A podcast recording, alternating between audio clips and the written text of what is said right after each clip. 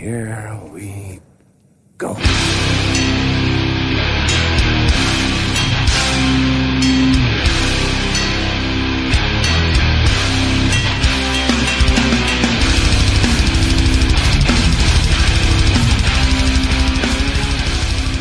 Ja men sådär då, ner på noll avsnitt 128. Jag, Robin Lindblad, sitter här med David Olsson, Tja tja.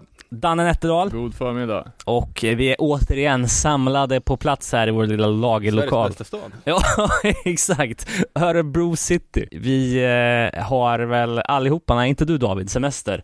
Nu kan vi äntligen dyka ner i de somriga ämnena såsom hattpunk eller Håkan-punk eller... Folk har Eh, ju sagt snyggpunk, hipsterpunk, shoegaze-inspirerat, Tygpåsepunk. Eller- tygpåsepunken. Postpunk slash dystopic pop. Vi får se. vi får se vad vi landar i, men eh, det är det som är vårt huvudämne idag i alla fall. Vi ska ju dyka ner i eh, feedback och hänt i veckan innan dess och eh, förra avsnittet, avsnitt 127, så snackade vi ju om Sommarmusiken. Just det, och varför ens musiksmak blir sämre på sommaren helt enkelt. Och det kom in lite feedback. Döda katten skriver “Tjena, tack för ytterligare ett bra avsnitt. Angående att det bara är silverskedar som lirar ska i Sverige så bör The Liptones kollas upp för lite sommarfeeling. Bandet drog igång 1997 och är från Falköping, Tidaholm, Skövde och Fagersta och eh, profilerar sig som the loudest ska band in Sweden och eh, bjuder på ska med two-tone på såväl svenska som engelska. Bandet består definitivt av knegarungar, även trumpetaren. Flera av medlemmarna lirar i eh, parallellt i diverse punkband. Jag har inte lyssnat så mycket på eh, The Liptones själv. Är det något som ni har? Självklart inte. Nej, men det är faktiskt flera stycken andra som har skrivit in om Liptones också. Eh, Daniel Johansson skriver, grymt avsnitt som alltid. På tal om vilka som spelar ska i Sverige så har The Liptones allt annat än studentikosa-rötter. Sångaren Mo Brodén spelade tidigare i råpunkbandet Antabus från Tida, Tidaholm. Sen fick vi även in på Instagram en ganska rolig story som också avhandlar det här stenhårda krustskabandet. Jag tror det var någonting som kallas för påskpunk. Och spelningarna hölls på, till största del på Satin, alltså spelstället i Örebro. Jag gissar dock att Satin vill dra in lite cash och ville därför ha ut alla konstigt klädda punkare för att släppa in ungdomar med pappa betalar-aura. Så därför fick två till tre band spela mitt i Oscarsé-gallerian, som ligger ganska nära. Eh, de smällde upp scenen utanför fiket, där det fanns något halvsunkigt pastaställe med rättigheter för bärs. Jag minns att det gamla gänget Köttgrottorna spelade, och något mer lokalt band. Sen kliver The Liptones på scenen, wow! Vilket jävla drag och dansande det, det blev. Eh, dessutom utspelade sig ett frieri mitt under gigget. Hon sa ja, och de är fortfarande gifta vad jag vet. Det fanns en toalett öppen, så kön dit var lika lång som framför scenen. Eh, och här är ett klipp från, fri från frieriet och lite av spelningen. Notera att det står skyltdockor i bakgrunden. Passande ändå. Det känns som att det hör till när du pratar ska. Men kul. Eh, sen hade vi en liten good life eh, spontan tävling. Eh, förslag då på vad som skulle ha varit Good Lifes näst bäst säljande alster efter då Avenge Sevenfold. Eh, förslagen som kom in var Congress, Liar, eller något oväntat, kanske 25 to Life, häl- hälsar Martin Egelius. Fel! Det är något ännu mer oväntat. Det är alltså det japanska grönsaksbandet Statecraft. Vad vad- vad pratar vi om för nivåer här då? Eh, volymer snarare kanske man säger. Ja, det måste ju ha varit 200 extra CD. Nej, jag vet inte, men det måste ju vara 20 000 då. Shit alltså. Vad kommer det sig att de fick sånt genomslag då? Så, nämndes det någonting från den gode Ed? Nej, men jag skulle tänka på att det är att de fick en jävligt bra promotion-text. Men de sålde in det som Morning Again möter Morbid Angel. Det är Eh, dock en jävligt bra skiva. och sen just det exoti- exotismfaktorn att de var från Japan. Var det första grönsaksbandet som breakade i Europa, skulle jag säga, från Japan. Okej. Eh, så då, uh, det gick inte att motstå. Snyggt omslag, Gustave Doré Passande. Eh, vad, vad blev bandets legacy då? Blev det några mer släpp? Ja, de har väl, de gjorde väl en CD innan också tror jag. Eh, och sen några splittar. De sp- splittar med Aftershock från Boston och något mer gäng. Alright. Men jag tror det, det där var ju absolut deras peak. Så det, Och nu ser man ju än idag folk som gör Statecraft rip-off-omslag när det kommer nya grönsaksband. Mm. LPn är dock jävligt billig väl? Ja, det är ju, 100 kronor. ja exakt, billigare än vad den kostade för 20 år sedan. Eh, sen också angår att Yellow Biafra konstigt nog inte har en podcast, så är det hälsning från Norge. KA skriver eh, Yellow Biafra härjar fritt på YouTube, där han har kanalen What Would Yellow Do? Eh, och det namnet är en liten passning till kristna högern som brukar fråga sig, frå, fråga sig liksom What would Jesus do? Om det är några moraliska spörsmål. Eh, det- han verkar ha släppt, den, det som länkades upp var avsnitt 72, så det verkar finnas en hel del. Om man vill höra Yellow ranta om diverse saker. Och det vill man ju. Nu kan man också höra han på skiva igen, för de har ju släppt första låten från eh, Guantanamo Bay, vad heter de? Ja, skulle med. Ja, exakt. Eh, från kommande släpp. Ja, men cool. Var det någon mer feedback eller är det Hänt i veckan time? Ja, det var det jag hade skrivit upp i alla fall. Ja, men då går vi in på lite Hänt i veckan då. Eh, tråkiga nyheter för mig. Ett av mina favoritband, Bent Life, har nu valt att lägga ner. Jag antar att vi såg en av deras sista gigs då, Danne, när vi var på eh, festival i höstas, Sound of Revolution. Ja, och det gick ju åt helvete också. Ja, men det beror ju lite på de här Ja, anklagelserna. helvete. Ja, vi berättade ju det i podden eh, när de eh, hade problem att starta setet. De hade ett slott på 20 minuter jag tror att de max rev av två och en halv låt eller någonting. Ja, det var en seriekoppling av olika tekniska fel som Ja. gjorde att de, det blev liksom inget gig. Väldigt mycket konstigheter, men eh, de har ju släppt en jävligt bra eh, sjua som heter Cheat Death eh, som man kan kolla in. Som är fantastisk. Men de lägger ner i alla fall eftersom det riktades anklagelser mot sångaren eh, 2018 som bandet sen valde att inte hantera på ett bra sätt liksom. Vidare så såg jag att den här Christcore-dokumentären nu ligger online. Man kan se den på regissörens Vimeo-konto. Eh, länkad i våran eftersnacksgrupp också.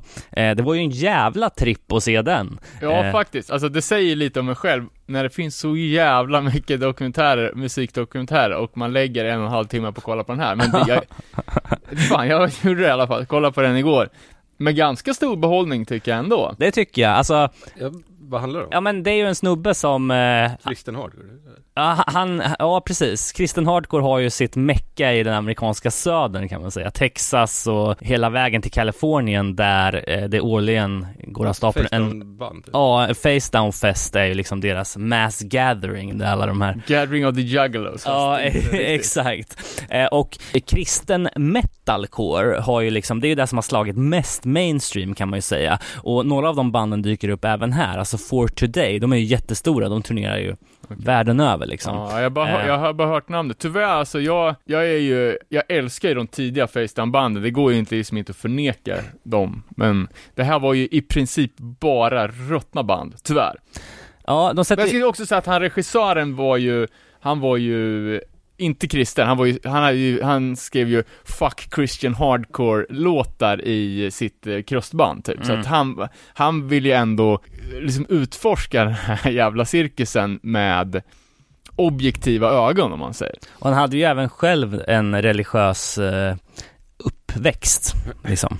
Eh, han pratade ju om det i början av dokumentären, att han hade växt upp i en familj som var väldigt kristen och sen hade han brutit sig ur det, Ja, hittat punken och startat liksom. Ja, men det är ju det, det, är det som man, man som sekulär svensk inte kan föreställa sig på vissa platser i USA, hur, hur jävla, eller hur extremt kristna folk är Ja, över gemene man. Alltså det är ju, Men de tänker väl inte? De är ju bara- nej, nej, nej, exakt. Det är en del av identiteten liksom. Man, man ser ju även där liksom att de vuxna förstår att den här typen av musik är liksom ett sätt för, för budskapet att nå fram till ungdomarna liksom. Och jag, det är ju lite intressant hur det porträtteras när någon eh, metal hard, hardcore slash metal band spelar i en, eh, på något jävla bönemöte och föräldrarna står och viftar liksom eh, några jävla skynken och de eh, kidsen står längst fram och, och, och morsar liksom. Och de säger till och med innan bandet börjar spela, bara ni, ni som är lite äldre som kommer uppleva det här stötande, ni kan gå ut men vi vill gärna att ni kommer tillbaks till lokalen sen, ska vi avsluta med någon jävla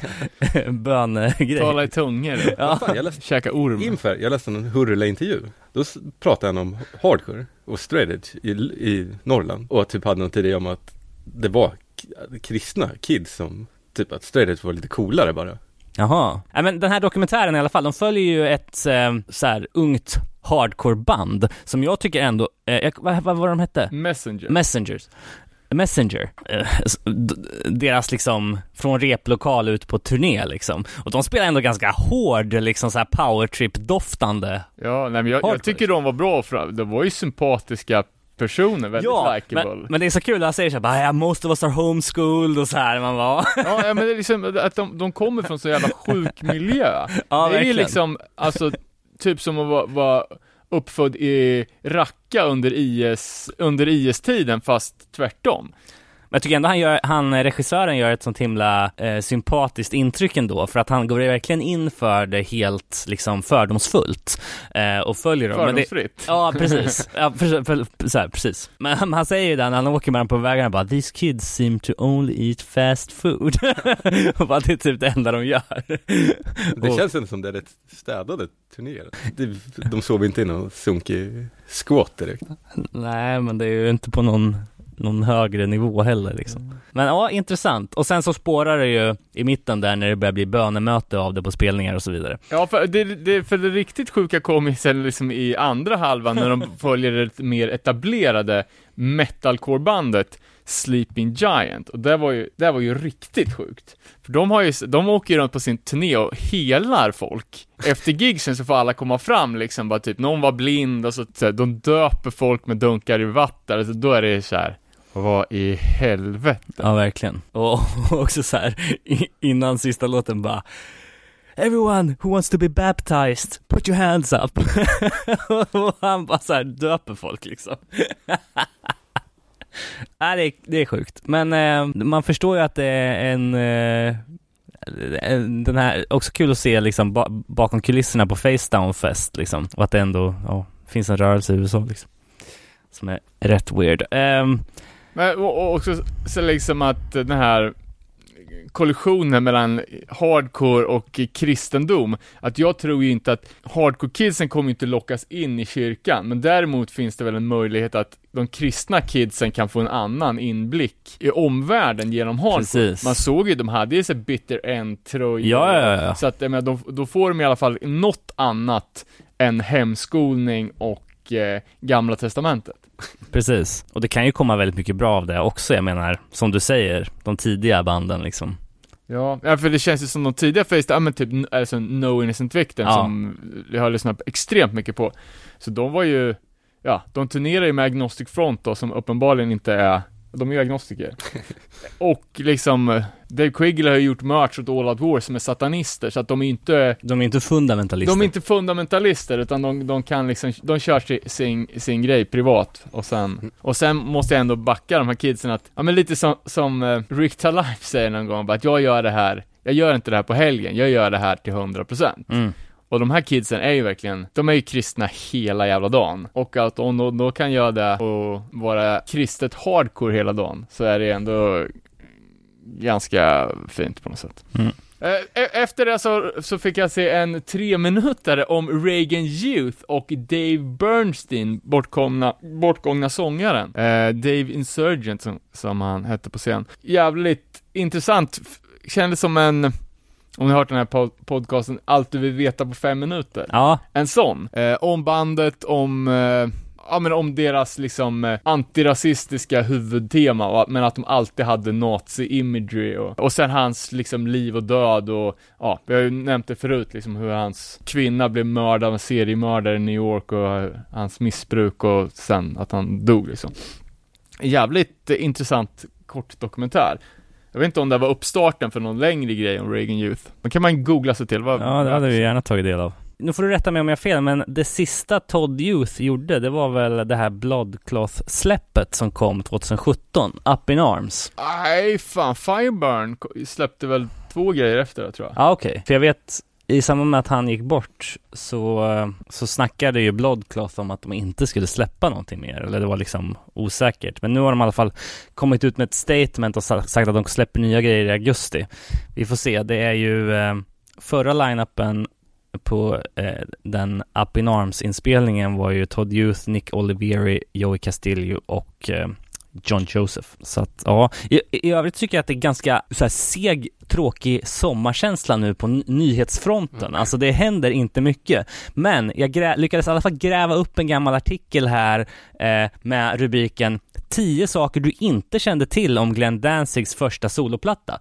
Eh, så jag tänkte vi, vi kunde bara dra igenom det. Eh, första första Danzig-skivan kom ju 88. Enligt den här listan då, får vi säga. Vi får se om vi får någon backning från Per och gänget. Men eh, den här första Danzig-plattan var tydligen meningen att det skulle vara Sam Haines fjärde release. Eh, de gick in i studion under epitetet Samhain 4 men kom ut med en Danzig-platta. Ja, det kan vi nog fan ha sagt i Samhain-avsnittet. Det kanske vi har. Ja, ja, ja, det låter lite bekant. Ja, vi- pratar väl också i Sam avsnittet om Def Jam och Rick Rubin en hel del. Men jag vet inte om vi nämnde att Danzig hade noll koll på, på varken Rick Rubin eller Def Jam innan han blev signad till bolaget. Eh, det påstår i alla fall den här artikeln. Eh, Det var ju intressant eftersom det var någon som drog fram kuken och pissade på oss för att vi inte visste tillräckligt mycket om Rick Rubin. eh, Vad fan är Sam Hain släpp på? Caroline. Nej, Plan 9 för fan. Slash Caroline på sista. Mm, just det. Och det var ju då på det berömda The Ritz som eh, Rick Rubin fick upp ögonen för för Sam Hain och, och Danzig. Eh, men han var faktiskt, han hade inte hört talas om eller ens gillade Misfits överhuvudtaget innan han signade Danzig. Vidare då på den här listan så påstås det att eh, Taylor från Motorhead var en av Danzigs första val som trummis i bandet.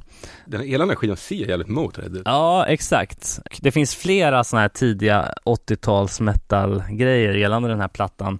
Eh, James Hetfield sjunger tydligen backing vocals på den. De hängde väl tydligen ihop och han ville hänga på till studion så att Ja, ja, Metallica spelade väl in en Garage Days. Det var väl typ i samma veva med två Misfits covers. Sen vet jag inte om vi nämnde men eh, eh, The Hunter, den låten som Danzig då på plattan påstår sig ha skrivit, har han ju då inte skrivit.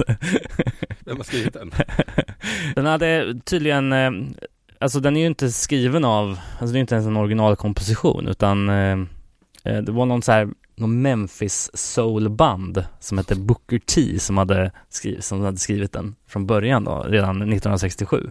Och sen hade de, eh, ja, tagit influenser av den och gjort om den typ. Mother, som väl kanske är Danzigs största hit, eh, var, var ju mer uptempo och mer punkig från början tills Ja, exakt. och blev ju tydligen inte en hit direkt utan, utan det tog ju några år. Mother-videon som jag faktiskt såg för några veckor sedan var ju tydligen en, eh, en annan edit än vad den ursprungligen var. För Rick Rubin hade skickat fel cut till MTV, så de körde ju den ett tag på MTV som fel cut. She Rides är också med på den här skivan. Den videon är fucking cringe jag säga. Ja, ja men verkligen. Eh, när, Inte åldrats väl. och där ser man ju också eh, Danzigs eh, liksom, Kvinnosyn. ja exakt. Ja, det är så, ja. Ja, och sen är det lite andra grejer som vi har, som vi har nämnt. Det här med att eh, skallen är lyft rakt av från en Marvel comic och, och sådär.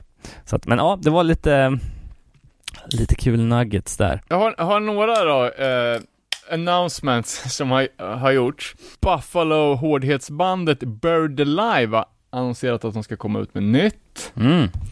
Eh, man kan väl gissa att Scott Vogel som har turnerat full time de senaste 15 åren är lite rastlös och har suttit hemma och knåpat på kammaren.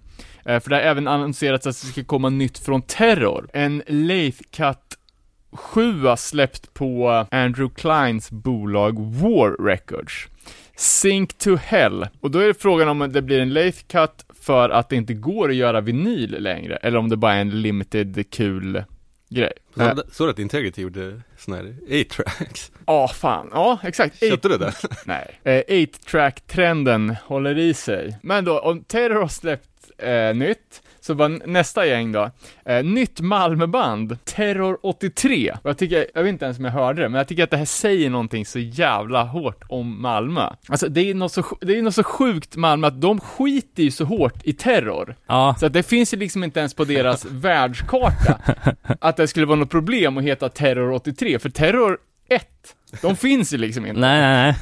Alla andra städer i Sverige ska bara, ja, man kan inte hitta, det är som att hitta 26 to life. Liksom. Ja, exakt. I Malmö, det, var, det finns inga terrorrätt. Men vad, vad snackar vi om? Är det krust eller? Ja, ja, ja, exakt. Det här skulle ju vara ett brasilianskt rens tributeband. Ska bara göra, jag tror, jag tror inte att de kommer kommer jobba med några Ratos de Prao, utan det här, här blir bara liksom, äh, jag kommer inte ens på några riktiga bras, vad heter de? Porada finns det ett brasilianskt grindband. Äh, det blir väl något, det obskyraste av det smala liksom. Ja, Eh, sen har Bad Brains annonserat att de ska annonsera om någonting. okej. Det är också såhär nyhetstorka deluxe. Ja, verkligen. Eh, sen en jävligt störande grej, mitt favoritband Insight, som jag har pratat om nu tio avsnitt i rad, kontrakterade till Victory Records 2, vad fan heter de då? Entertainment, vad fan heter de? Mission 2 Entertainment. Eh, kan säga fuck off till dem redan nu. Känner ni till Bitly? Ja, Det gjorde inte jag, men det är ju något jävligt vidrigt märkte jag. Jag, jag vet inte, vad är det för något? Robin kan säkert förklara det tekniska, men eh, Insight då la upp, ja, typ Instagram-tävling, vinn en testpress på nya plattan. Då är man ju med såklart. Eh, då ska man gå in på en bitly-länk ja, och alltså länka alla sina konton. Facebook, Instagram, YouTube, alltså varenda jävla konto då, bankomatkod, rubbet. Eh, och ju mer grejer man länkar upp, ju mer poäng får man och hur större chans får man att, vinna den här tävlingen. Alltså, fan har ni hört något vidare? fan har det, vad har det med Insight att göra? nej men det låter ju som att, alltså, Men, äh, vad, förklara Bitly lite, lite kort. Nej, Är det det jag- här det bygger på? nej, alltså eh, i min värld så är Bitly ett verktyg för att göra korta länkar. Alltså, Ja, ja det, exakt, det stod att, att det var någon sån här URL-förkortare. Ja, exakt. Men det kan ju vara så att de flesta sådana URL-förkortare lägger ju på någonting. Liksom. Att du, okej, du har en jättelång länk, du använder vår tjänst för att göra den kortare, men då får du också vår reklambanner eller du får någonting så här när du trycker på länken. Eh, och eh, det känns ju som att du kanske blev utsatt för en pop-up när du tryckte på länken och hamnar på någon annan sajt liksom. Men, men, men om det var ty- Ja, det fanns, så kändes det ju inte. men om det var tydligt att det stod så här bara, åh, add your stuff here, så att du kommer, om- att du har större chans att vinna. Ja men då är det ju helt och hållet ett påhitta bandet liksom. Ja, men jag tror att, jag tror att de, att Victory 2 har sålt in, eller liksom sagt åt dem bara, ja ni får göra en sån här, så att vi kan samla in lite information, så att vi har allas Spotify-inlogg för att kunna Men det låter ju helt sjukt, det låter ju rättsvidrigt om man säger så. Alltså det låter ju som någonting som de kunde bli stämda för på en halv sekund liksom. Hur mycket lämnar du ut då? Hur gärna vill du ha den här skivan? Nej, jag lämnade inte ut någonting, men eh, då Nej. fick jag inga poäng heller. Nej, jag vet inte, jag, jag kanske jag, jag kanske vart clickbaitad så det bara kom. Ja men det, lå- alltså, det låter lite som det, men eh, För, för så jag tyckte det var så jävla skevt. Ja. Jag var tvungen att, att kolla upp det liksom, att det verkar ju vara något, ja men ännu ett sånt här samla informations Ja, precis. eh, verktyg liksom. ja, det låter sjukt. Eh, inte så nice. Eh, ganska nice då, som vi fick upp i eftersnacksgruppen.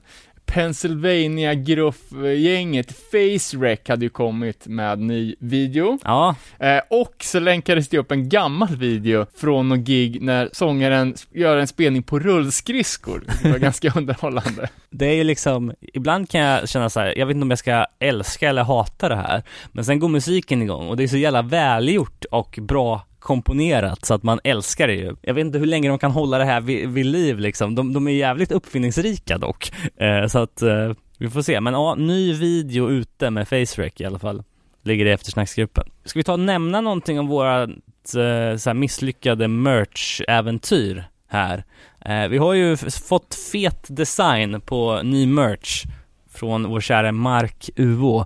Eh, men vi har inte riktigt kommit till skott med själva tryckandet. Vi kommer det- väl ha, lägga upp en vettigare pre-order också Absolut. på... Men vi, det, det vi gjorde var ju bara en liten marknadsundersökning för hur mycket och av vad vi skulle göra. Sen hade ju vi slagit våra påsar ihop med andra personer som skulle då, ett, beställa tröjor ihop med oss, och sen trycka skiten. Och det är där synken har klaffat, för vi vill ju, vi har ju det här... Eller inte klaffat. Nej, precis. Vi vill ju köra bang bang nu, Ja, och de andra är lugna med. Nivå. Eh, Men vi måste ju göra det här helt solo. Vi kan inte hålla på och vänta på att några andra ska bestämma sig. Precis. Officiellt skyller vi på The Rona, men det kommer ta lite längre tid eh, än vad vi hade Vi tänkt. kanske kan bara kolla på det här under semestern. Ja, eh, sen har vi också planerat att dra oss uppåt i landet. Vi hade en fet plan. Hemester. Ja, exakt. Vi hade, en, rätt i tiden. vi hade en fet collab på gång med Bastard Burgers och försöka ta oss upp i landet. Vi får se eh, hur det blir med den, men vi letar just nu efter eh, liksom intressanta uppslag och eh, eh, i Luleå slash Umeå-trakten eh, på folk som vill vara med och snacka och som, som det finns intresse för att vi ska intervjua.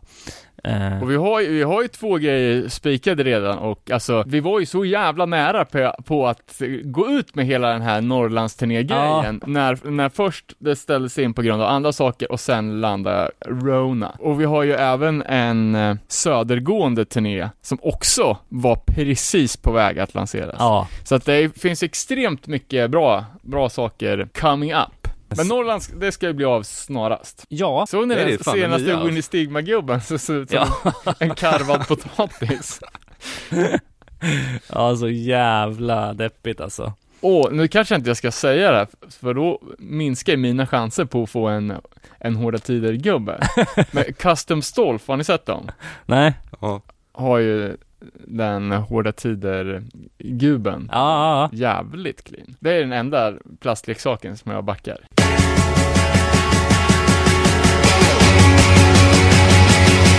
Så länge ni dömer folk efter er mark kommer ni få det ni förtjänar Få det ni förtjänar för efter er uppgång kommer ett fall ni kan bygga era glashus Passa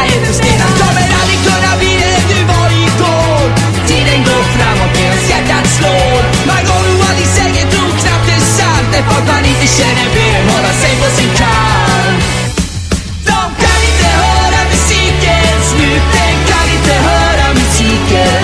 De kan inte höra musiken, snuten kan inte höra musiken. De kan inte höra musiken.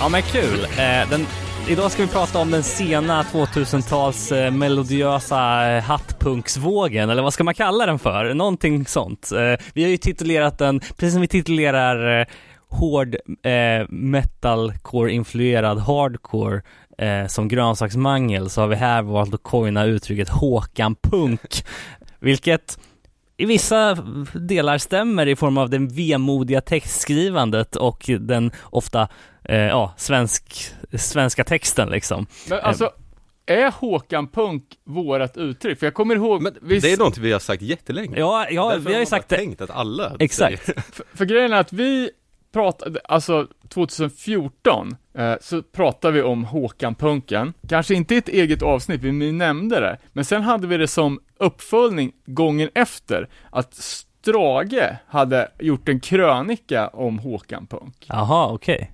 Så det kanske är... Så det kan ha Fredrik varit Strage ett, som- Nej, för han var efter oss, men det kan ha varit ett allmänt uttryck. Eller också var det vårat uttryck. Ja, just det.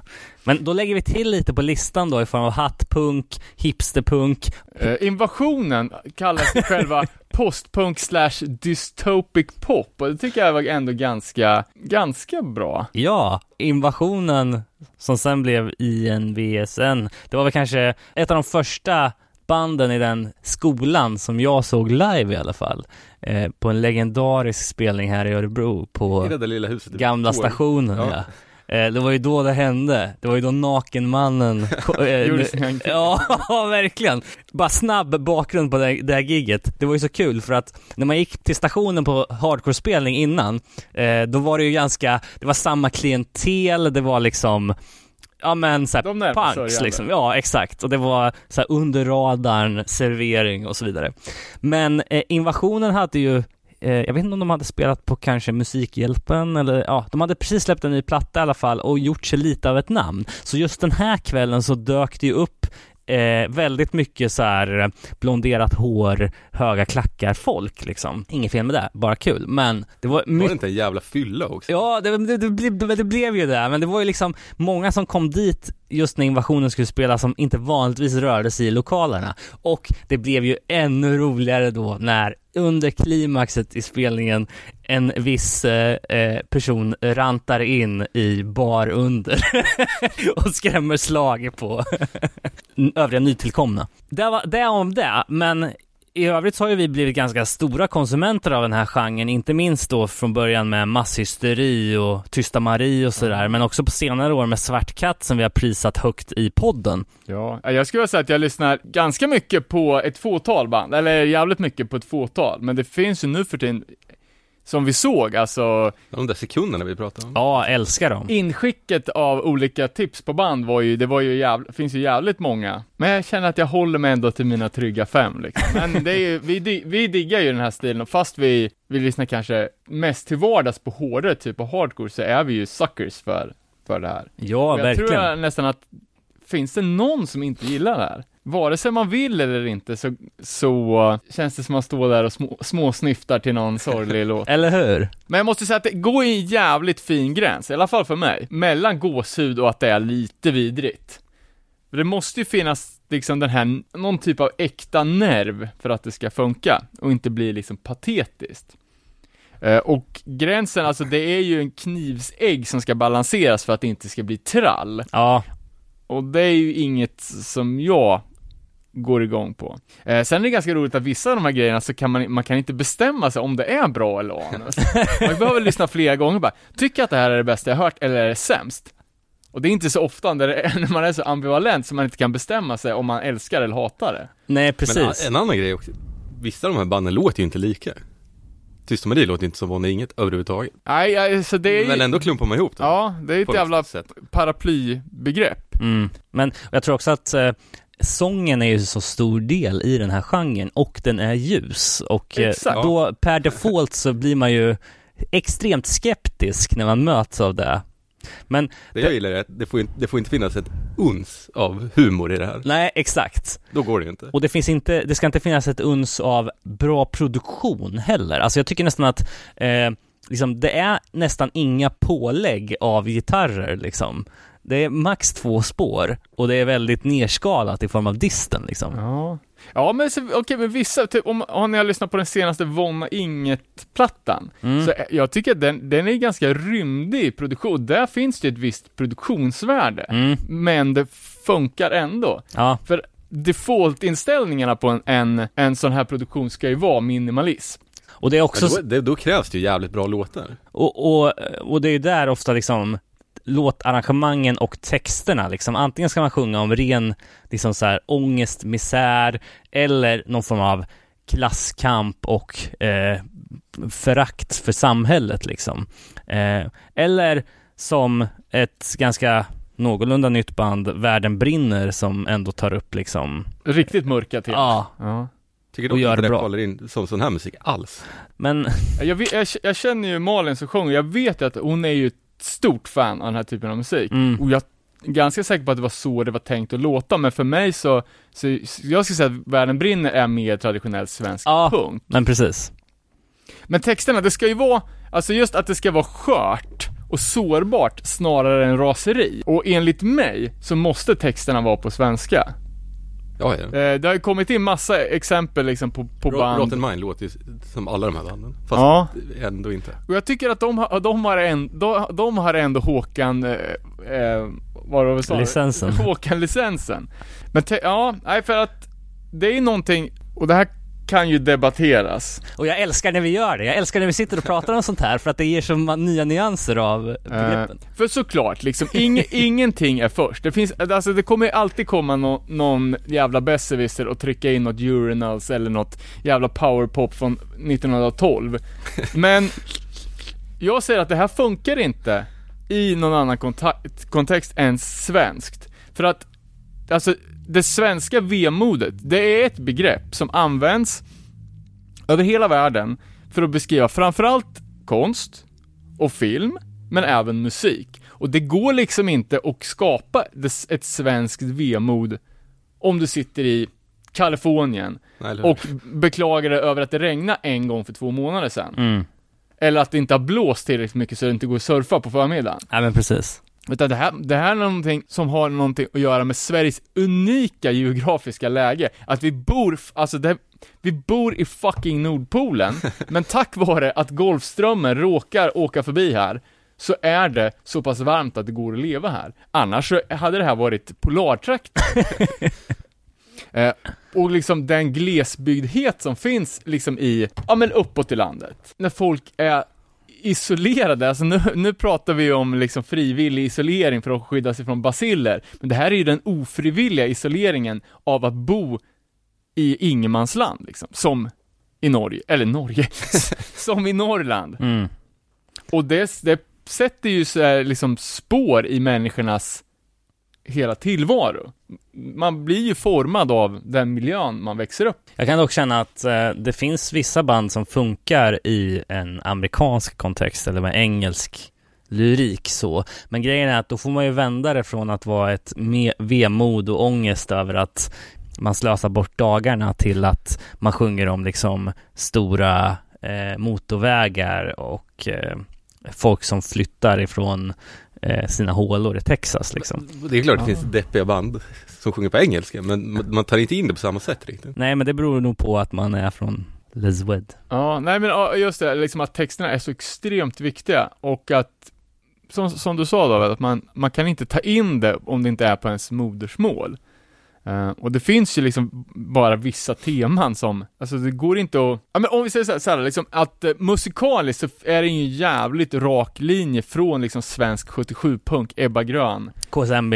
Precis, men de hade ett helt annat Ja, men Ebba Grön är ju Sex Pistols på svenska, typ. Det är inte alls det här. Nej, eh, men Ebba Grön hade ändå ett, ett, ett raseri, men även en viss, eller som en del livsbejakande glädje, men som låtar som Ung och kåt. Liksom att det finns ändå någon typ av pepp i de gamla tidiga punklåtarna, medan här så ska det liksom, raseriet är liksom bytt mot sorg och vemod. Och det finns ju liksom, det ska inte vara någon jävla pepplåtar, det går inte, inte ens på ett 14-spårs album kan det finnas en låt som är lite uppåt, för att då bryt, bryts hela illusionen av det här. Men, Men men, det är det egentligen, och så är det ju, eftersom musiken är ju egentligen ganska glad, i kontrast till. ja men det är det jag exakt. menar alltså. Det är en, Men, en målslinga på gitarren och lite, lite upptempo-trummor, men ja men är det inte det som gör att, vad ska vi säga, att anthem för den här genren är, eh, snuten kan inte höra musiken, masshysteri liksom. Alltså, är det inte det som gör det att utsiktslösheten i textförfattandet funkar så bra för att det vägs upp av det här jävligt uh, riffiga solot efter andra refrängen liksom. Jo men a- a- absolut, och liksom just det här väldigt tydliga underklassperspektivet hela tiden. Eh, Men liksom, Masshysteri sjungen, det är väl politiskt fast ändå inte. ja, ja men det, det känns för super, superpolitiskt, fast kanske inte eget perspektiv. Ja. Det är ju inte så eh, liksom svart och vitt eller uttalat som liksom Nej. svensk punk. Nej. i övrigt ja, är, men liksom. det är som så, så här, hyran döda lönen och det, Ja. det hade ju varit, ett, det är ju ett första maj-plakat liksom. Mm. Och liksom, så, så här, förlorarens hämnd och det finns ett så tydligt underdog-perspektiv. Och sen just det här med vi mot dem, Mm. som, eh, alltså det är ju, det är ju masshysteri rakt av. Eh, eller svart katt, liksom, vi håller ett öga på varandra. Och vi, vi, vissa band, framförallt tänker jag på, på Tysta Marie, men det känns ändå lite som går i en rak linje över hela genren och det är ju liksom Ja, det är ju ingen straight edge musik, det är ju, ga- speciellt Tysta Marie är ju väldigt mycket droger, drogreferenser och då är det liksom amfetamin, Mm. tjack, det är, då, det är liksom inga jävla molly, utan det ska ju, det ska, det ska ju, Det är inte weed. Nej, det ska ju bedöva deluxe. det ska gnisslas tänder.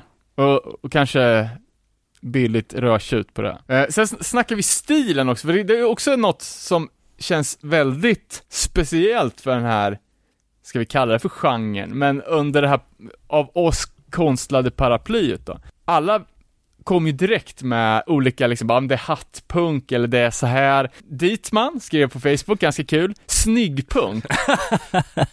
Jag vet inte fan, okej, okay, dit man själv är, rockar ju fortfarande hästsvans, bikerstil. Så där kanske ribban för snyggpunk inte är så hög, men jag, är de så jävla snygga egentligen? Kolla på, Lite så, jo kolla på Rotten Minds promofoto. De ser ju medvetet risiga ut. Kostar pengar att se sådär risig ut. Ja, jag, jag kanske, ja, det, ja, abs- det är ju ingen slump. Nej, där, där kan jag ge det.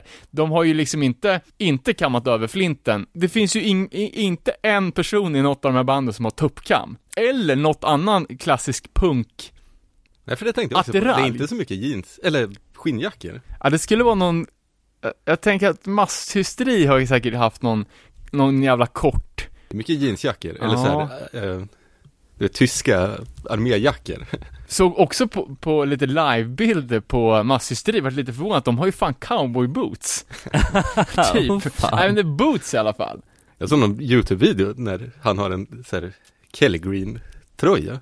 Det är konstigt. Ja, det var ju jävligt otippat. Måste vara något fel, fel i vitbalanseringen. Och och sen liksom själva begreppet hattpunk. Jag tycker att det finns två distinktioner av det här. Det är två skolor som går väldigt mycket parallellt. Men att hattpunken är egentligen band inspirerade av Rancid. Och av alla de här banden så skulle jag säga att det egentligen bara är Adam Nilssons olika tio band som är de riktiga hattbanden. Typ Tysta Marie då eller? Ja, alltså framförallt i Tysta Maries eh, tidiga alster. Ja, Eh, och det är han som är, framförallt. det, är, det är han som är hattpunken, de andra det är ju snarare musspunk. Alltså jag gjorde en liten snabbkoll på, på de här bandens promofoton. Och liksom Västerbron, 4 av 5 har mössa. Sen tåget till Klo- Men det är ju inte toppluvor. Nej. Tåget till Warclaw, 4 av 5 keps. Eh, sista brytet, hörlurar, keps och en plastback. Så att det är ju någon typ av huvudbonadspunk, ja helt klart. precis. Men jävligt snålt med hattar, om nu genren ska, ska kallas för hattpunk. Tysta Marie coinar ju begreppet combat rock-stil också i någon låt. Och, och det är väl också lite så här. ja men jag tänker på den här, eh, knutna sjalen runt Ja, halsen. har, har Clash knuten sjal på det omslaget? Men det har de väl förstås? Det känns som Det är det. ju en sen Clash-skiva också. Ja, Har de men- någon stil på det? Nej men det är väl, det är väl, det är väl en, en, eh, låt oss säga en hipstergrej då, att man ska gilla skivan som alla hatar. För det är väl ganska allmänt att folk tyckte att The Clash spårade ur lite vid Combat Rock liksom. Men också en grej som är vanligt, ett vanligt brott begånget i den här stilen är ju randig tröja. Och liksom folk som, som har Powerpop-randig, det är väl ett begrepp? Ja, eller, eller Håkan, så det skär om det, för fan, det är ju, på Tysta Marie-skivan så är det en som har liksom randig tröja och hängslen på omslaget. Det är ju liksom Håkan Hellström rakt av. Ja, verkligen. Sen är det ju någonting som är, alltså, det går typ inte att göra den här musiken på alla platser i Sverige heller. Man måste, an, antingen får man ju vara liksom så här Stockholms svår, Vet du vart det inte går eller? Göteborg. Ja, åt helvete. Nej, det är ju, det det är liksom, Stockholms svår, helt klart. Eller norrländskt kärv, Mm. det går ju bra. Eller, eller, eller Malmö dryg, det går ju också. Men en... och- God gubbe från väst, västkusten. Nej, det, det är ju helt omöjligt. Eh, jag, jag hörde, det, det var ett, ett band som hette En svensk tiger som de skrev igenom. Uh, och jag tyckte bara direkt att bara, det här skaver lite för det, det, var, det är ju en, en dåliga vibbar, en- direkt. antydan till göteborgska. Sen så kollar man bara på, på, på deras Facebook, så bara, ja vi har släppt en ny, en ny låt som eh, typ hyllar det viktigaste som finns. Yttrandefrihet. Och det är alltså, okej yttrandefrihet det är väl fint, men vad fan, alltså yttrandefrihet, det är ju, den enda som bryr sig om yttrandefrihet, det är de som vill säga någonting som man inte borde säga Nej, precis. kollar jag på det, alltså det här är det sjukaste jag har sett alltså. Och det här är ju ta mig fan, alltså av alla de vidrigaste grejerna i Christcore-dokumentären så är de här 30 sekunderna på deras Facebook ännu sjukare. Eh, då står det ett gäng, och jag tror man är i logen innan ett gig och ska värma upp, På någon jävla afterski ser det ut som, men skit i det som då ska sjunga a cappella, och bandet står bakom och, och själfullt knäpper med fingrarna och liksom skakar på huvudet i sina V-ringade, randiga tröjor och ser ut som några jävla, så jävla killar alltså. Och sen sjunger de låten, bara som handlar om att han ska då hugga huvudet av tjejen som inte gillar att han stöter på henne. Alltså går det ens att göra sådana låtar? Det är helt sjukt. Ja, verkligen. Och jag vet inte om, alltså, internskämt i all ära. Jag tänkte också det, men det här, ja, ja, det är fan helt, helt jävla absurt. Så, så eh, men det är väl allt utrymme de behöver få här. Asfalten ligger blank i natt Och jag vet att vi är stora men det är allt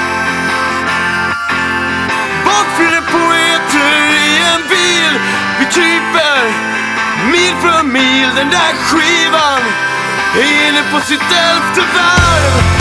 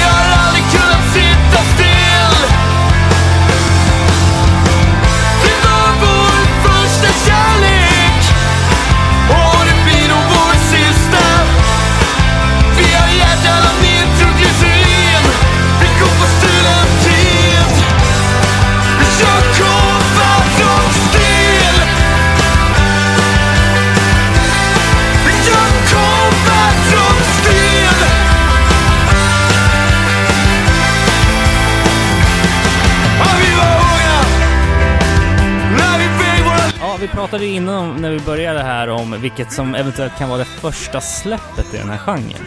Eh, ja, ja, för, för vi fick ju jävligt många, alltså bra, bra tips på gammal punk, svensk punk som låter åt det här hållet. Men våran distinktion, distinktion är ju, alltså sent 2000-tal, alltså det är ju en våg med band som har ett speciellt sound. Eh, och jag skulle väl säga att liksom masshysteri var det första.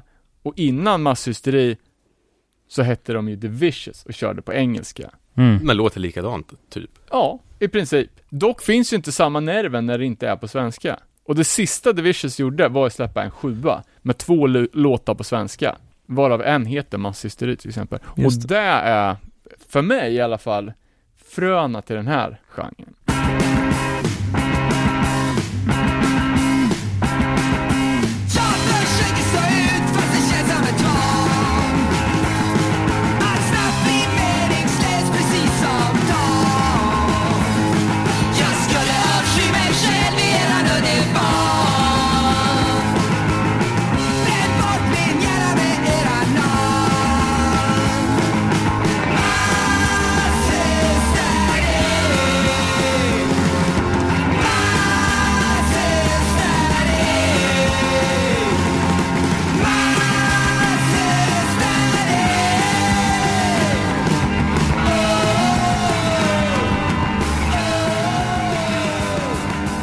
Jävligt många som skrev om Vipers. Att det skulle vara något influensbandet till den här stilen, typ. Ja.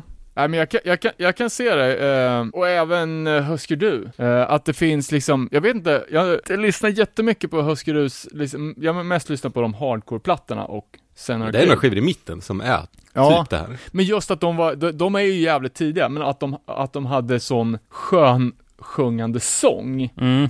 För det är ju, sången är ju alltid den här musiken. Och just som du sa Robin, att den, den måste vara hög sång. Eller att, att den är ljus. Mhm. Eh, och det är ju därför liksom att kvinnlig sång, eller stereotypt kvinnlig sångröst, passar ju extra bra till den här Mm. musiken. För att de, de, den ljusare pitchen gör sig så jävla bra till den här, eh, ja men till, till den all, allmänna viben, att det går ihop med, med musiken så jävla bra att det liksom är verkligen den röda tråden mellan de här banden. Och jag, det, jag tycker att det, det finns liksom två skolor på det här skulle jag säga. Den första vågen av band, svenska band, som börjar göra den här grejen, som har en typ av influenser.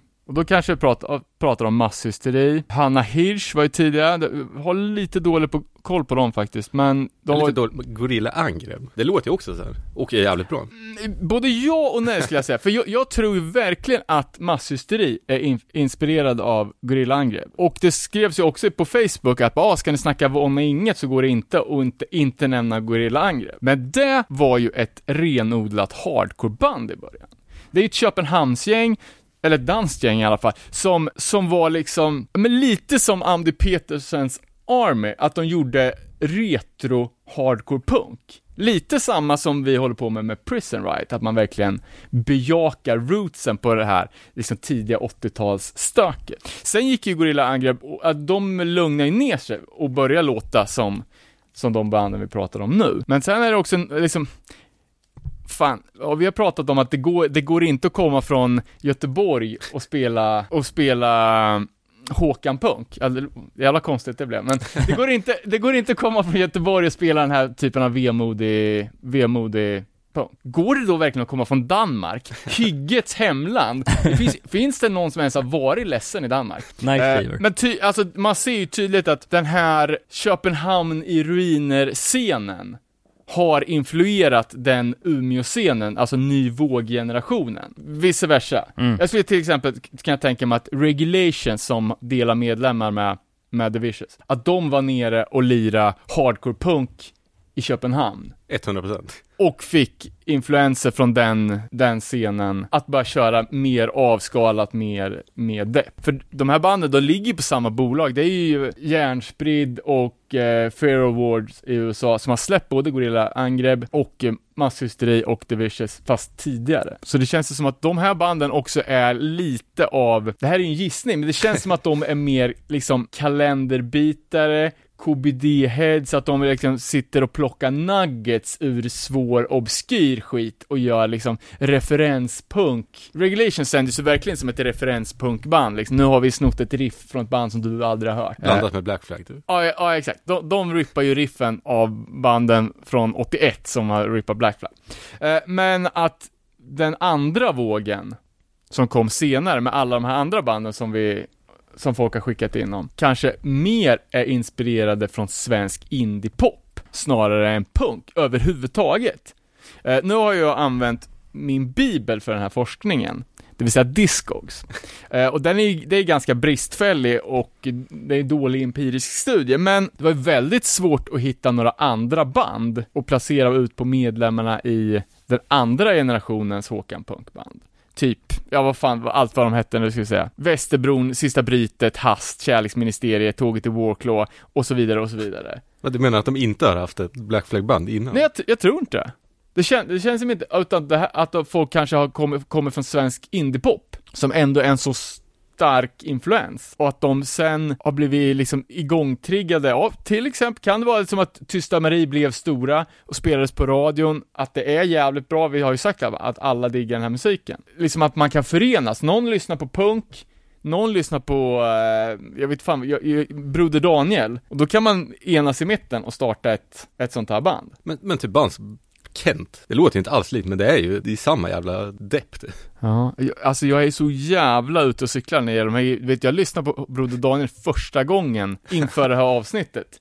Och då hade jag ändå bestämt mig på förhand att de här banden är influerade av Broder Daniel. Det är inte så dåligt. Nej, jag tyckte inte, tyckte inte det var så, så dåligt, men jag liksom, det här är ju liksom för hela den generationen av kids, alltså, eller kids, det här, Broder Daniel är ju, det är väl fan 90-talsmusik. Men att det är liksom 14 år och arg på pappa, alla som var det då, lyssnade på den här skiten. Men det är också eh, liksom själva, eh, vad ska man säga, själva uttrycket, kajalen under ögonen, långa håret liksom. Ja. Alltså, eh, Ja men så utanförskap är. ja precis. Ja, ja, men precis. Det finns så många, så många gemensamma faktorer. Steget är i alla fall väldigt kort. Masshysteri i alla fall, de brann ju under ganska kort tid. Det var väl 2008 till 2010, men de hann ju ge ut två album och två EPs innan innan de splittrades. Jag skulle säga att det var två singlar till första albumet. Jag tror det är bara samma låtar. Men två sjuor och två LPs. Ja, Jävligt bra alltihopa. Fan vad det har åldrats bra också. ja verkligen. Ja, det är Eh, Den sjukt. sista skivan, är, ju- det är över tio år ju. Ja, det är, det är helt absurt egentligen. Det känns som att det är nya grejer. Och det är ju Robert Hurula, Sara Almgren, Kajsa Bergsten och Erik Wiklund som utgör det här bandet. När det här, lyssnade du på det här när det kom? Jag, tr- jag tror att jag var lite, lite sen på bollen och att jag gick, att jag gick via, eller jag vet att jag gick via Tysta Marie. Som jag har lyssnat på sen gammalt, men som jag liksom kom in på rejält sen. Men fan också lite över huvudet när det kom. Då var man så jävla hardcore. Ja, ja men ja, exakt. Ehm, Det, är ju svårt att ge saker och ting en ärlig chans som är lite utanför ens comfort zone skulle jag säga. Eh, jag vet att de spelar i Örebro och Vicious spelar väl också i Örebro. Tveksam på om man var där eller om man hade något in, intresse av det då. Ja, första kom ju i november 2008, Vår del av stan. Och sen så två år senare så följde de upp med den självbetitlade Masshysteri. Eh, men man, jag tycker man ändå kan märka en utveckling i soundet liksom på de två. Eh, att de ändå tar det framåt liksom. De blir ju mer välkomponerade. Eh, Ja, alltså det är ju, Och mörkare i texterna skulle jag säga också. ja, åka härifrån askan in i elden. Men det som är masshysteris alltså, storhet tycker jag, det är ju liksom ja, sången och så kontrasterna mellan Sa- Sara och Roberts röster. Och man lyssnar liksom, Sara sjunger så väldigt fint, Mm. medan uh, Hurula är liksom lite, han är ju mer uh, skrovlig i rösten. Men det blir så jävla bra stämsång på det. Och han, Plus välskrivna texter. Ja, precis. Och där känner man väl så att det är ett superinfluens från Thåström. Liksom att ta punklyriken till, till nästa nivå liksom. Och då kan, ja, Ebba hade väl bra texter också, men hans senare grejer som vart liksom riktigt, Mörkt. riktigt mörka och svåra liksom. och där var, han vart ju också sen en av Sveriges, han säljer ju ut ställen liksom, åker Ja. på Sverige-turné. Men också att det är liksom så, det är inte så jävla mycket krusiduller utan det är ganska rakt på sak liksom, men ändå väl formulerat. Mm. Så att det Ja, men- blir ja, berörande i sin enkelhet. Utan att det är, de krånglar inte till det för mycket. Men det är inte, gick till Ica och köpte en bärs. Nej, Enkelt heller. Det är någon bla, ja, en bra blandning typ. men det känns ju, jag, jag får i alla fall vibesen av, av hela den här genren som att den är ganska akademisk. Det känns ju mer som att folk pluggar på universitet och har ett sånt här band än att man går till bruket. Pun intended. Eller? Ja, lite kanske. I Vi känns det smartare, det känns ju smartare än average alla- svenskt ojband. alla fall läser svåra franska författare och sånt. Ja, men det är väl samma sak som att gå på universitet, är det inte det? Båda masshysterisläppen är ju släppt på Lyxzéns bolag Ny Våg. Ehm, och de har ju även släppt tidigare grejer, Regulations och ja, The Vicious.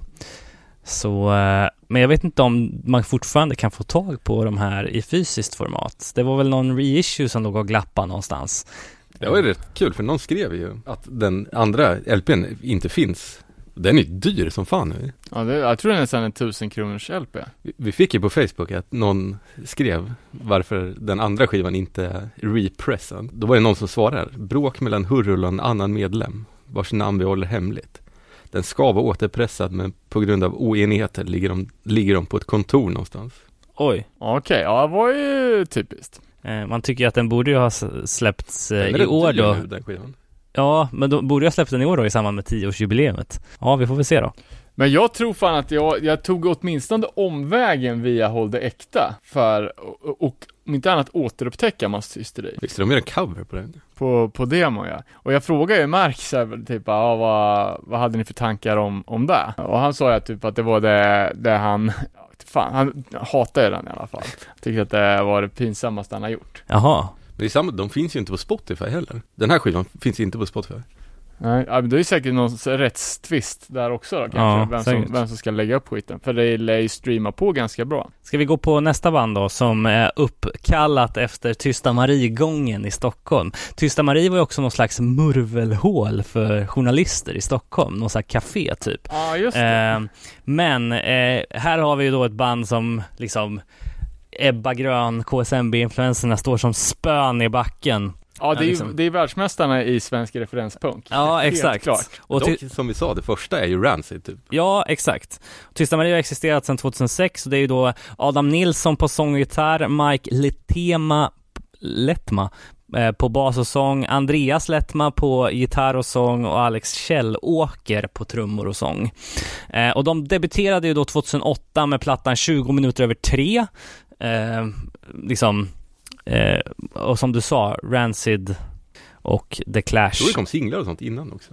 Ja, det kanske det gjorde. Ja men ja, exakt, The Clash är det ju också ja, såklart. Complete Control, det känns ju som eh, ligger till grunden för låten Full Control på den och men också i, som du sa, Rancid-vibbarna i låten Dårhus till exempel som är med på den. Jag grävde fram en gammal eh, intervju med Tysta Marie eh, de säger ju om just eh, den här gatan Tysta Marie-gången att eh, det är en gata under Sheraton Hotel i Stockholm, en ganska konstig plats som Gud glömde när han byggde Klara-kvarteren. Mörkt och skitigt mitt bland alla jappis och dalahästhungriga turister. Vi tyckte det lät, lät bra och något måste man ju heta. Det finns väl något annat punkband som heter Bad News som eh, jag tror att gitarristen Alex var med i. Men i övrigt Fan, så... det kommer jag ihåg. Hade de eh, Bad Brains rip-off? Ja, jag vet inte. Ja, Jag kommer också, det var något, något som lirade på skylten. Jag Ja, tror till och exakt. med att de släppte en sjua på Law Order, eller? Ja, det kanske de gjorde. Eller var det något annat bad? Nej, men vi, eh, vi hade ju eh, här i Örebro ganska bra koll på Tysta Marie tidigt i karriären. Vi var ju eh, ganska tajta med Strängnäspunken. Mm. Trots att vi jobbar med beatdown här och i Strängnäs så var det mera Rancid som gick. Men det var ju bandet The Skywalkers som jag gjorde ju förnämlig sån jävla Rancid-punk. Eh, och eh, de två första eh, Tysta Marie-grejerna är ju inspelade i Strängnäs hos Kryckan i studio Garageland. Åter en Clash-referens. Eh, men då var det ju liksom så nära Rancid man kunde komma på svenska, i princip. Eh, och vi tyckte väl det var, det var liksom he- helt okej. Vi- De hade ju också eh, bolaget Red Angel, som släppte den första Tysta Marie mini-CDn. Så men vi tyckte väl kanske att The Skywalkers var bättre. Och jag kommer ihåg, alltså vi var, åkte på sista The Skywalker-spelningen i Strängnäs och då hade jag tuppkam. så det var ett tag sedan, men då satt man ju, det var också punkproblem. Att det, gick- inte att sitta med huvudet rakt i bilen, att tuppkam, så jag satt i Strängnäs med huvudet på sned. men, Men- det var väl ett sidospår av Guds nåde. Men, eh, så vi kände ju till dem och tyckte att det var ett helt okej band, men det var ju på den andra plattan sen, Sverige Casino, som kom 2009 Mm. när liksom allting ställdes på ända och vi började digga dem som fan, för det är där någonting har hänt. The Vicious fattar konceptet och börjar köra på svenska, eh, och Tysta Marie börjar köra deppigt istället för Rancid. Och jag tycker också att eh, den eh, titelspåret säger en del om att eh, det här är liksom inga indie indie-poppare som har bytt till punk och vill vara trendiga, utan de har ju den här politiska ådran liksom i, i textförfattandet och eh, ja men Fast jävligt personligt. Ja men he- hela att, ja men att samhällsekonomin är, ja men ja, pensionsreformen d- din pension är en aktiepost. Exakt, din framtid skrapas på en lott. Ja. Att, eh, att eh, hela skiten är up for grabs för storföretagen. Precis. I en intervju här också så, så säger de ju just om punk, alltså måste punk vara politisk? Ja, absolut. Och att, att punk, punken är en livsstil, det kan innebära att, att folk är allt från hardline till GG Allin. Vilket var lite kul. Det stämmer ju då. Ja, Eller- exakt. Punk måste ju vara politiskt, men man måste inte sjunga om det. Nej, ja just eh, plattan Sverige Casino blev ju också eh, nominerad till årets punk hardcore på Manifestgalan 2010. Och där, Men du sa att de var stora. Var de verkligen det? Ja men tänk, fan, f- Peter är stora. ja men då, den andra plattan spelades ju på P3, eh, och säg någon som inte lyssnar på Tysta Marie. Nej men av folk vi känner. Ja men alltså det är väl det, så- ja nej, nu är det ju de väldigt breda penseldragen när jag använder ordet stora, men alltså förhållandevis, om man jämför med med The Skywalkers kanske, eller Ja, ja, något annat kontemporärt svenskt Rancid-dyrkarband. men jag tyckte också att, alltså så här om man, om man pratar om Det är ju fem av fem i close-up, så stora. Ja men precis. Jag tycker att det här, eh, min föreställningsvärld så finns så är det här eh, en platta som sticker ut på egna ben. Jag, Ja. jag kan inte dra några solklara paralleller till någonting. Eh, och efter att man har dyrkat sönder Tysta Marie en bra tag så bara, men då ska du lyssna på masshysteri. Mm. Det är samma sak. Precis. Det är ju också ett sånt band som man fan har lyssnat sönder på det lilla de gjorde. Eh, Men Tysta Maria, alltså jag lyssnade så fan på Sverige Casino, men när andra plattan kom, musiken, så kände Tredje. Är det tredje? Ja just det, förlåt. Ja, nu, nu eh, strök jag den. Fjärde släppet i ordningen om man ska vara noga, det, vilket just du det, gillar just att man det, är. det. Eh, Men det, då kändes det som att jag tappade dem och jag vet inte varför. Jag älskar den skivan dock. Ja, jag tycker den är bästa faktiskt. Men Det är ju eh, mer polerat. Och det är mycket mer, alltså det är mycket, mycket mer Gaslight Anthem-vibbar på låtarna tycker jag. Ja, eller, jag har typ aldrig hört Ulf Lundell. Nej, Men typ. Eller Plura och sånt. ja men precis. Eller nästan lite Bruce alltså. Eller det. Alltså det var ju eh, strax efter sista släppet som de la ner.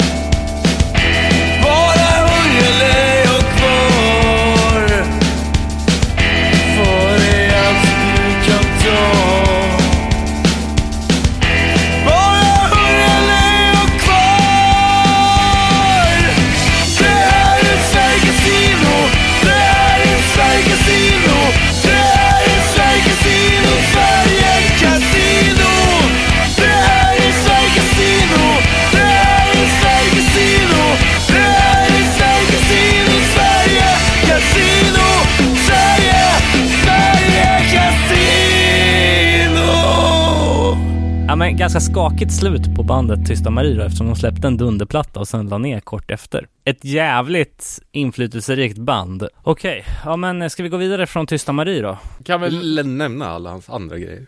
Typ Stiletto. går det att nämna alla? Vi har ju Adam Nilsson och Insatsstyrkan, Stilett, Alla sologrejer. S- Adam Nilsson solo, Passagerarnas rockorkester, finns det något mer? Har han, nå- har han något band sjungit på engelska nu? Bra fråga, det vet ju säkert folket där ute. Jag vill ju blanda ihop de här lite med 2.8. Ja men precis, för det var ju liksom, det var ju Rolls Royce varianten av svensk eh, rancid punk. Och då var det ju liksom Tysta Marie och 2.8 som var, Eliten. Som, ja, som var de bästa aktiva svenska punkbanden. Hemma hos mig i alla fall. Eh, Ett annat band då som jag diggar som fan, som hade en ytterst kort men ganska lysande karriär, var ju Bruket från Fagersta. Är det något ni har lyssnat på?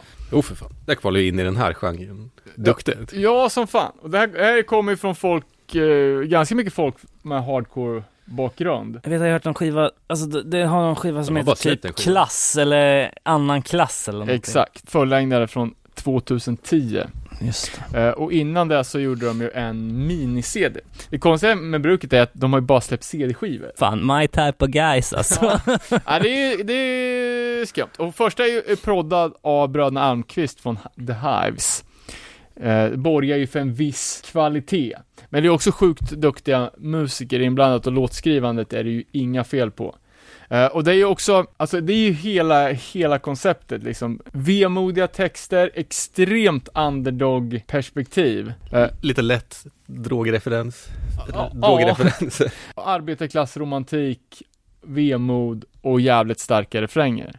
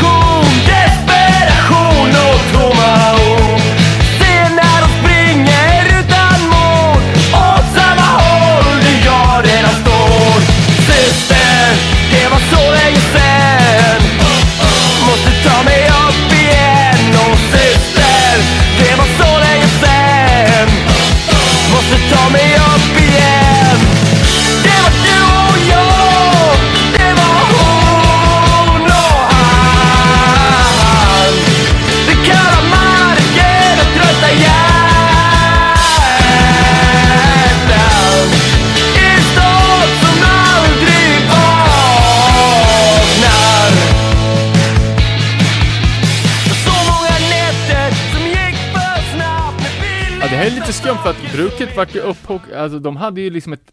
Hade de ett management i form av Magnus Larenhed på Citybird Records? Det vart ju en riktig mediakarusell, alltså spaltmeter med tidningsintervjuer och var med på, jag tror fan spelade på Nyhetsmorgon och såna här Åh grejer. jävlar.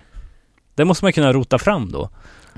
Ju- just att de vart framlyfta som, som bruksortsromantiken i, i popförpackning, Ja. och så just den här Fagersta Hives-kopplingen liksom. Reissue på den, eller reissue, det är inte ens en reissue om den inte finns på LP. Nej, nej, det är Ett ju- LP-släpp vore ju Det är ju jät- jättekonstigt att det här inte har, har exploaterats mer för att det är ju skitbra släpp. Och liksom, eh, det känns inte som att det, det kommer till sin rätt i, att bara ge ut det på CD, för då är det ingen jävel som eh, köper det. Men musik konsumeras ju inte fysiskt i den riktiga världen, det är bara bland vissa idioter så att det kanske inte spelar någon roll. Jag tycker bara att det, de hade förtjänat en pampig vinylutgåva. De lirade i förband på Hives Sverige-turné 2009 också och spelar väl på Way Out West och Hultsfred och Ja, Fan. ja, jag är osäker på varför det här, eh, om det fejdade ut eller om det vart något abrupt. vad kom ut av? Gjorde medlemmarna någonting annat efteråt? Sången har ju massor av olika band. Rätens krater är ett av dem tror jag. Okej. Och Eller Hellman, Rättens krater. Aha, och Hellman och Härden är väl eh, ett senare projekt också. Eh, Fan, det här borde man ju veta. Ja, Eh, jag är fan osäker på vad övriga pysslar med. fan är ju grym sångare på, på bruket-skiten alltså. Ja, de är ju grymma allihopa. Peach som lirar trummor har vi spelat med No Fun till exempel, way back. Ja, nä- nästa gäng då. Eh, Ska vi ta parallellspåret då, Rotten Mind? Ja just det, Uppsala Punksen. Precis. Uh, också Som- ett gäng som vi har snackat mycket om i den här podden känns det som. Men med den lilla skillnaden att de gör det på engelska. Tänkte du på Svart katt eller? Uh, ja, de har vi ju pratat sönder. men uh, Rotten Mind har vi, måste vi ha pratat om varje gång de har släppt något nytt. Ja, de ja, har ju ja. gjort, alltså jag kollade, d- den plattan som kom i år är den fjärde LPn. Åh jävlar. Fan man tappar lite koll. Ja, ja det går för I, i, fort. det nya är säkert bra också men Men de har väl släppt på Gaphals? Ja, faktiskt. Det är ju underbolaget Lovely Records. Ja, okej, okej. Fan Som, Gapal släppte något som heter Hast Som var, är exakt den här grejen ja, jag, den? jag såg att du lyssnade på dem en gång när jag kom hit. Ja, jag, Jag tyckte tyckte- det var jävligt bra Det tyckte jag var inte så bra. Va? Det var skitbra ju Det låter ju som, ja, nya hurrlar kanske Åh Ja, fan. mer jag, jag, jag kände det inte alltså. Men jag, men jag det, Det är som, också intressant med Hast, det var- för de heter ju Hast 84. På Instagram till exempel. Och då är frågan, vad fan är det här 84? Var kommer den ifrån? Jag, jag tror att sångaren heter Hast. Okej. Eller det är, det är Han ett enmansprojekt. Det Okej. är hans band. Ja, okej. Aha. Jag, jag, jag, Vild gissning, men han kanske är född 84. Ja okej, för jag tänker du, du vet de här PMS 84 som kom för något år sedan RAS 84, Condemned 84, vad ska alla heta 84 för hela tiden? Skitsamma. Eh, Jaha okej, ja du gillar det, jag tyckte det inte var så bra. Ska ju säga att jag inte gett dem en riktigt ärlig chans heller men eh, Rotten Mind diggar som fan i alla fall. Ja, man, jag tycker man fick upp ögonen med det här liksom eh, 80s hardcore-doftande omslaget som det ändå var på första släppet I'm alone, even with you. Eh, Ja men precis, och det här är ju tre, tre av fem pers va? Eller är de bara fyra? Skitsamma, det är ju från Agent Attitude som var något ganska uppsnackat retro hardcore punkband Ja. ju som spelar i sönder i Sverige där för, för tio år sedan. Lite intressant på referenserna, de självklara Vipers, Vicious, Germs, Husky Du eh, och Jay Retard. mhm. Jag tycker, det det är någon karaktär jag har missat känner jag, till den här ganska annars kompetenta referensbasen. Det är inget ni har lyssnat på heller? Det är något- som våra kompisar lyssnar på. Jag Nu- tror att det är någon typ av Ja, powerpop-aktigt. kan jag tänka mig det. Men som sagt, Uppsalas skitiga sound har ju satt sin prägel, men jag tycker ändå att det finns någon viss koppling mellan övriga band vi har snackat om. Och det är lite rockigare också med lite så här gitarrsolon och sådana grejer Verkligen. som inte brukar infinna sig. Men hitlåten I don't wanna be the one är ju fantastisk. Och jag tycker hela den här plattan, första plattan är, är så jävla bra. Eh, sen så tappar jag dem lite. Alltså de har ju släppt, de var sjukt produktiva liksom. På fem år så har de släppt fyra fullängdare eh, och eh, två EPs däremellan. Eh, så, och allt då på det här underbolaget som du snackade om, Lovely. Ja, fan lite större grej med eh, LPn på första, för den är gjord på någon sån här giftblå färg. Och Mm. där verkar det som det blir någon jävla kemisk grej, så att den alstrar jävligt mycket statisk elektricitet när man spelar den. Jaha. Eh, vilket gör att hela jävla grammofonen knäpper om man inte jordar den sen emellan. Jaha. What? Ja. Och du har aldrig varit med om någon, någon annan alltså release? viss, vissa LP, färgade LP med, med såna här jävla apfärger blir mer statiskt. Åh fan. Och det finns ju någon sån här rangordning på, på om man är audiofil, vilka, vilka LP-färger som är bäst. Typ svart, vit och sen går det liksom utför. Ja, okej, okej. Vad har vi mer då? Tapetbandet, Vonna Inget. Det har vi sett och diggar vi samtliga här. Ja, verkligen. Eh, och också ett band som... Vadå tapetband? Att man tar, har de inte tapet, eh, På omslagen? fondväggstapeter som omslag? Men det är, det är ett band som har rötterna i Malmö eh, också. Står Småland på Discogs? Ja, okej. Ja, ja men de har ju, det, det går ju. Det är undantagen som bekräftar regeln. Baserat i Malmö men medlemmarna har sina rötter i Småland, Ah, läser right. jag mig till här. Och 2011 kom väl debuten på Heptown och de blev väl eh, nominerade till en Grammis kort därefter tror jag. All right. Eh, I kategorin då Årets Rock. Ja, eh, nej men det är ju rock. Ja, men, rock. men som sagt jävligt melankoliskt skulle jag säga. Och Eh, så jävla bra. Ja, svinbra. Eh, och ett band som väl har så här gjort en grej av att turnera så in i helvete, har ju spelat överallt i Sverige känns det som. Eh, men gör det så jävla bra och eh, inte att förglömma sidoprojektet True Moon som är minst lika bra. Eh, right. Som kom Ja, jag gillar fan också ur det här. Ja, alltså jag får lite vibbar, förutom alla de referensbanden som vi har nämnt, men också att eh, just på Våna Inget, lite svensk progg, alltså typ såhär kommunistklassiker, Knutna nävar Mm. och den hållet. Men återigen, även här då, ett band som byggs upp av den här ljusa sången liksom. Men också så här, så här malande låtar. Ja, precis. Och liksom inte så här typ eh, instrumentella stordåd, men ändå liksom eh, avskalat inget- och jävligt bra liksom. Ja. Men om, om, när vi försökte spela en masshysteri-låt så var det bara, äh, vad har för mycket dist, bort med disten, kan inte ha några effekter på gitarren. Men här är det ju, det är ju skitmycket reverb, det är Ja. ju värsta space-ljudet. Precis. Och det harvas ju här shoegaze-stämning. Att ry, rymder. Ja, exakt. Suggestiv rymd. Eh, och jag tänker liksom på vissa låtar på senaste plattan låter nästan som så här lale-hits. Att det sjungs ju verkligen ut. Och sen sången i sån jävla fokus. Och Just det. Superavskalat men ändå lite, ja men som du sa, rymd. Senaste kom på Gaphalls förra året och heter Utopi. Innan dess har de ju släppt då Allvar, Ingen botten och Vi tar alla minnen härifrån. Eh, 2011, 2013, 2017, Ja, det- 2019. det var ju Sista en li- liveskiva tror jag. Ja. Ja, Och det är okej. ju också, Asta Kask-omslag. ja, det har jag inte tänkt på. Ja, den, eh, den har ju inte tapet. Nej. Men det är också jävligt udda att göra en liveplatta. Men det är klart, har de spelat så jävla mycket live så kanske det är en viktig del av bandet. Ja, men precis. Ja, nej, Våna Inget är ju en favorit för mig faktiskt. Eh, och tillsammans med också Det är lite Svartkatt. trygghet och, man har det bara. Ja, men det var ju någon som skrev att den här musiken är jävligt bra om man är bakis. Det Ja. kan inte ni relatera till, men jag kan. Han har ju en poäng alltså. Ja men så här tidiga, eller så här höstkvällar liksom, sitta och lyssna på eh, Våna Inget. Våna Inget, eh, Svart katt och Sekunderna, så här Access of, ja inte evil men Ja, sekunderna, för de kom ju på tal när vi snackade om nya band här i podden. Ja Och jag vet att du har ju köpt skiv- du som inte ens köper fysiska skivor, Nej. har beställt. precis. Jag Fick träffade hem. några gamla polare i helgen som, som alla snackade om sekunderna och liksom tyckte att det var det, nya liksom. Ja, Jag har tyvärr inte hunnit sätta mig in i dem riktigt. nej, men eh, Men för, första tanken var ju att det var lite mer Ramones-punk, men upplys mig. Nej men det är ju, alltså jag skulle säga att Ja, det är eh, svart katt i så. Ja, det kvalar Det in. är ju typ, det är ju Det är melankoliskt, eh, det är enkelt, s- men bra. Ja, arbetarklasspunk liksom paketerat i en Ja men då hör man ju redan här första kontext. låten. Väckarklockslåten. Ja, exakt. Arbetslusten är vag. Precis. Men också så här, ja men så här, eh, sätter fokus på att de har ju en låt, den självbetitlade låten, Sekunderna, bara ligga här och låta tiden gå i soffan liksom. Och sen helt plötsligt är det måndag igen liksom.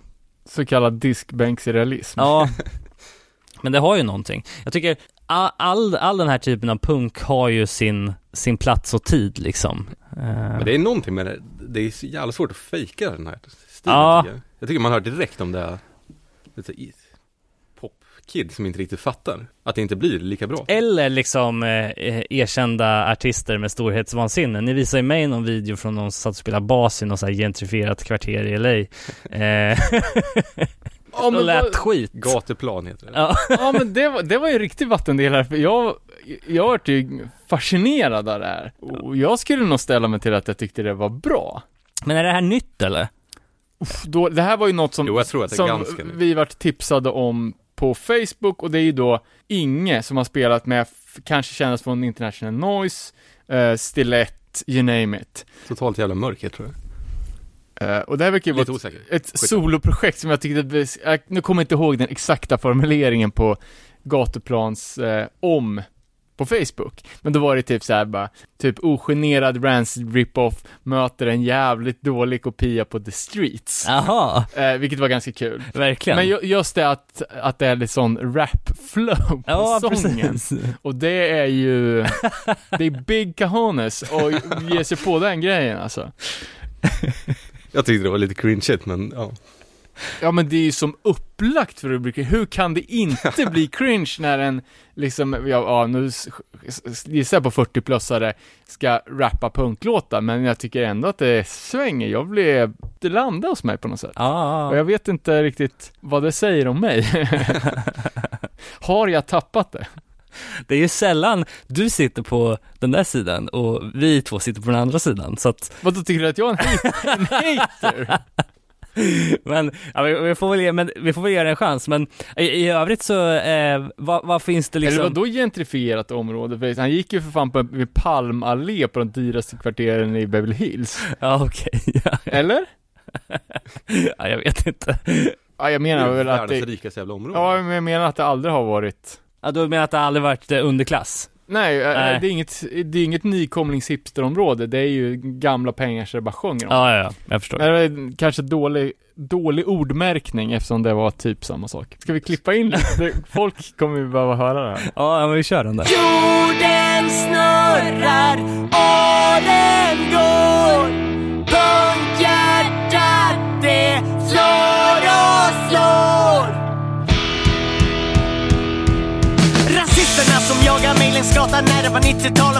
och sen dess val efter val och hon som jag var kär i. Då Hon som aldrig någonsin såg en pojkvänskandidat Nu har hon gått och skaffat barn med en moderat. Polarna från skolan har blivit Sverigedemokrater Sitter och delar skit på sina telefoner De är svikna uppifrån. Sitter fast i massa lån Men de verkar ha glömt vart de kommer ifrån. Jag går dit, de säljer en latte för 50 spänn. Seriöst kom igen, där sitter det snubbar runt 25 De snackar om regeringen, de menar sin flickvän. De kör en jävligt dålig stil Men jag kör en jävligt bra stil. Stretching, smart ut, 70-tal biker, jacka och Palestinasjal. Palestinasjal. Palestina-sjal Stretching, smart ut, pins 70-tal biker, jacka och Palestinasjal. Palestinasjal. Palestina-sjal 90-talsvegan i blodet, läser på förpackningen Ska man ha mina pengar vill jag veta vad plockar hem Jag kan ta varje dag att jag har torskat på koffein Men jag köper ingen israelisk blodapelsin Jorden snurrar,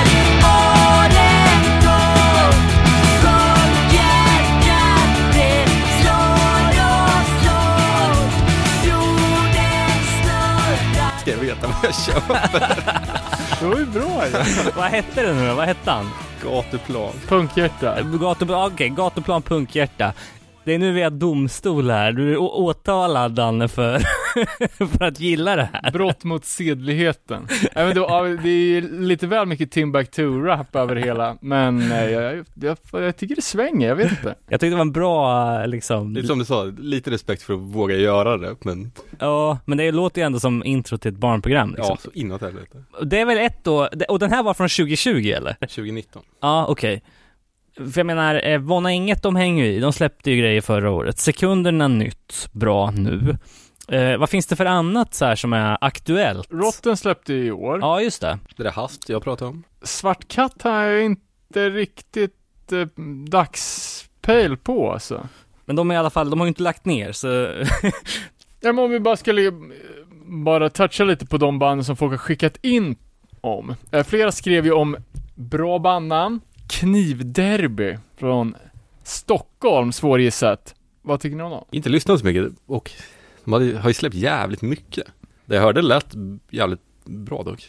Ja, nej jag har Det är inte så jävla uppförsbacke när ett band har släppt tio skivor. Säger, Ja, det går ju inte. det är som man skulle vilja att någon sa till en bara, här ska du börja. Det Eh, kanske inte var tio då, men fem skivor i alla fall. Men stenhårt namn som du sa. Eh, Cortex verkar ju folk, nu är vi i och för sig tillbaka på den influensgrejen. Ja, men precis. Och det är ju fr- framförallt Cortex-mörkret, ska jag säga, som... Rata Negra, det hade inte jag hört, men det var fan bra.